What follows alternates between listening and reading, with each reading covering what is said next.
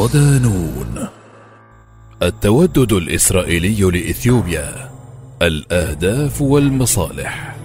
مقال لعائد عميرة ضمن ملف التغلغل الإسرائيلي في أفريقيا. نجح الكيان الإسرائيلي في التغلغل مبكرا في القارة الإفريقية وإقامة علاقات دبلوماسية قوية مع أغلب الدول هناك. ما مكنه من محاصرة دعم الأفارقة للعرب والفلسطينيين والاستئثار بدعمهم في المحافل الدولية والإقليمية خدمة لمشروعه المشبوه.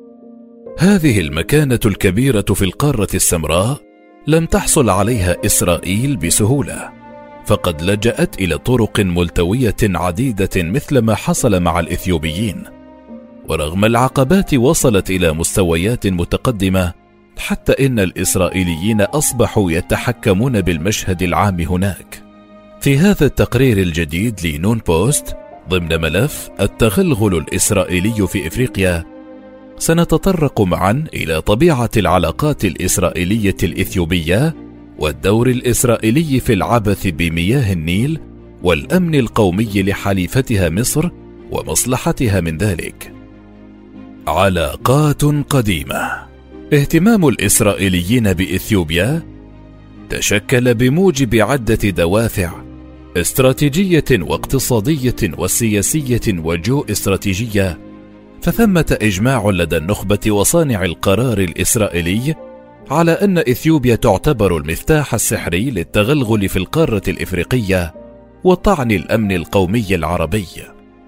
كان للكيان الإسرائيلي منذ نشأته الاستيطانية على الأراضي الفلسطينية عام 1948 اتصالات مع إثيوبيا الواقعة آنذاك على البحر الأحمر قبل انفصال إريتريا واستقلالها عنها عام 1994 حيث رصدت المخابرات العسكرية المصرية اتصالات إثيوبية إسرائيلية مبكرة.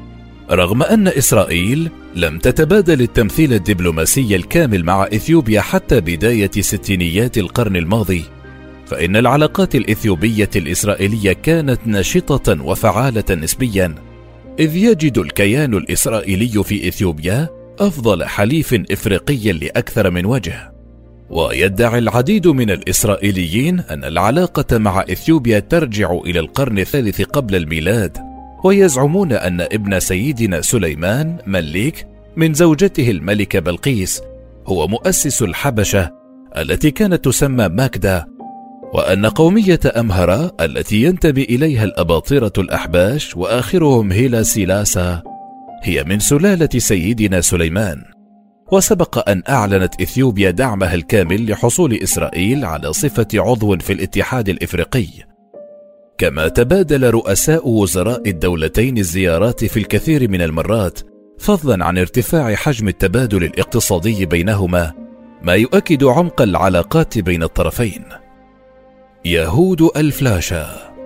أكثر من 150 ألف يهودي من أصل إثيوبي يعيشون في إسرائيل ففي سنة 1975 أطلقت حكومة تل أبيب شارة السماح لليهود الإثيوبيين المعروفين باسم بيتا إسرائيل يهود الحبشة أو يهود الفلاشة بالهجرة إلى إسرائيل عام 1975 وقررت آنذاك أن ما يسمى قانون العودة ينطبق أيضا على اليهود الإثيوبيين. في البداية تمكن عدد قليل من اليهود الإثيوبيين من الهجرة إلى الكيان الإسرائيلي بناء على اتفاق بين الموساد والحكومة الإثيوبية بمقتضاها يقدم الإسرائيليون السلاح للحكومة الإثيوبية مقابل السماح لليهود بالهجرة إلى إسرائيل.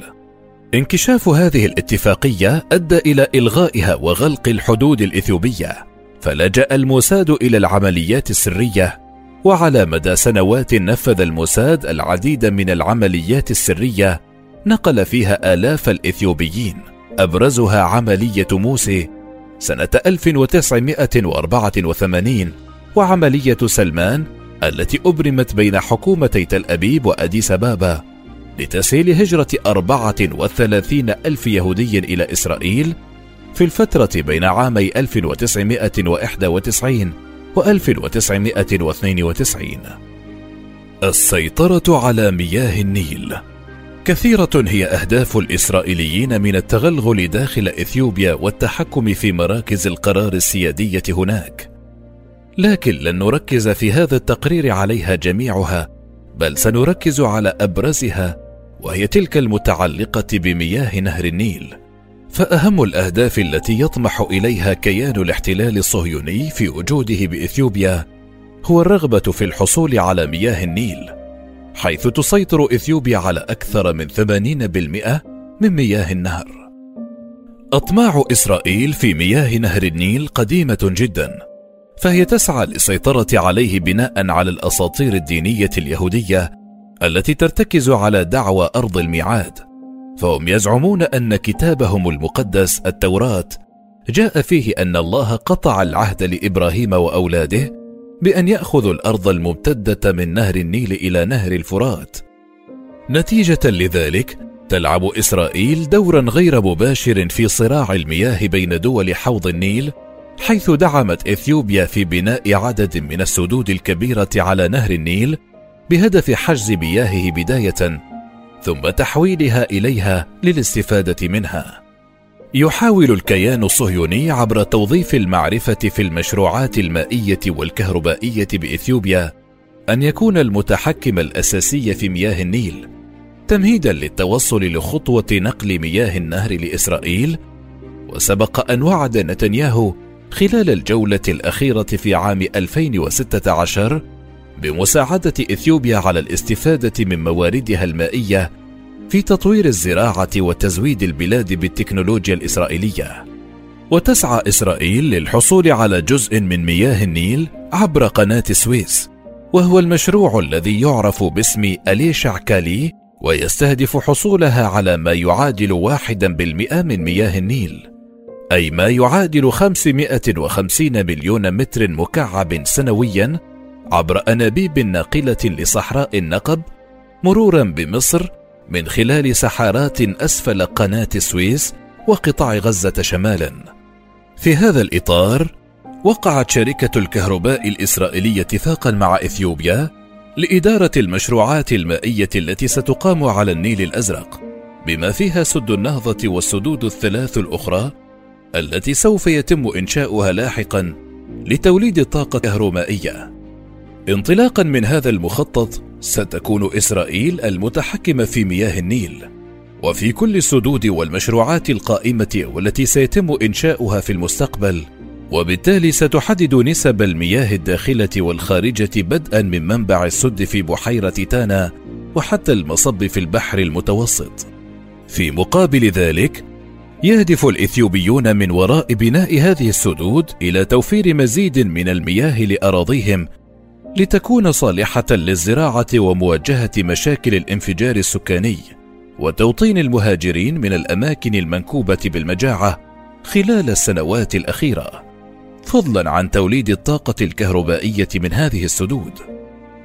تطويق مصر والحد من حركتها بمجرد الانتهاء من بناء سد النهضة الذي تم الشروع في تشييده عام 2013 سيكون أكبر سد في القارة الإفريقية وسيكون له حتما تأثير كبير على إمدادات المياه في مصر علما بأن نحو 90% من مياه النيل التي تصب باتجاه مجرى النهر في مصر مصدرها النيل الأزرق.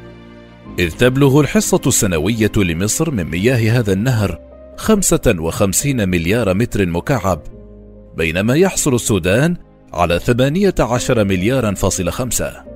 ما زال سد النهضة يثير خلافات كبيرة بين إثيوبيا ومصر حيث فشلت كل المباحثات الرامية إلى التوصل لاتفاق بينهما ومن شأن مشروع السد أن يقلص حصة القاهرة من المياه ويتسبب في تصحر مساحات زراعية واسعة من أراضي مصر. أدركت الحكومات الإسرائيلية سريعا أن السيطرة على نهر النيل يهدد مصالح مصر الاستراتيجية وأمنها القومي، لذلك عملت جاهدة للسيطرة عليها ففضلا عن حاجته لمياه النيل يسعى الكيان الصهيوني للإضرار بمصالح القاهرة مهما كلفه الأمر. عزز كيان الاحتلال الإسرائيلي نفوذه السياسي والعسكري والاستخباراتي في إثيوبيا وتمكن من سلطة القرار. وهو ما يتنزل ضمن عقيدته الأمنية والاستراتيجية القائمة على الاستحواذ والسيطرة على المنطقة المحيطة به قصد تطويق أعدائه. بينما عززت إسرائيل مكانتها في المنطقة وخاصة في إثيوبيا كانت المكانة المصرية هناك في تراجع مستمر. الأمر الذي يهدد أمن القاهرة القومي رغم اتفاقية السلام المبرمة بين الطرفين في السادس والعشرين من مارس آذار 1979 في واشنطن. اتباع إسرائيل استراتيجية التمكين في إثيوبيا الهدف منه تطويق الدول العربية خاصة مصر وحرمانها من النفوذ داخل أي منطقة. وهو ما يتماشى مع توجه البريطانيين قديما فمنذ زمن بعيد قال مسؤولون في بريطانيا إن نهر النيل أهم شيء للمصريين. وإذا أردت أن تضيق عليهم الخناق اقفل الحنفية. تشديد الخناق على مصر في ظل أزمة سد النهضة ستكون تداعياته كبيرة على الفلسطينيين. فالقاهرة ستجد نفسها مضطرة للتقرب أكثر لكيان الاحتلال الصهيوني ومد يدها إليه أكثر من أي وقت مضى حتى لو كان ذلك على حساب القضية الفلسطينية. وتأمل إسرائيل من خلال التضييق على مصر ودعم الإثيوبيين في مسألة سد النهضة ضمان ولاء النظام المصري الحاكم ودعمه لها في قراراتها المتعلقة بانتهاك حقوق الفلسطينيين وقد ظهر ذلك جليا في تأييد القاهرة لمخطط السلام الذي يقوده الرئيس الأمريكي ترامب ومساهمتها في تطبيع العلاقات الإماراتية الإسرائيلية. خلقت أزمة سد النهضة ظرفا باتت فيه القاهرة بحاجة ملحة أكثر من أي وقت مضى للتعاون مع الإسرائيليين على صعد مختلفة.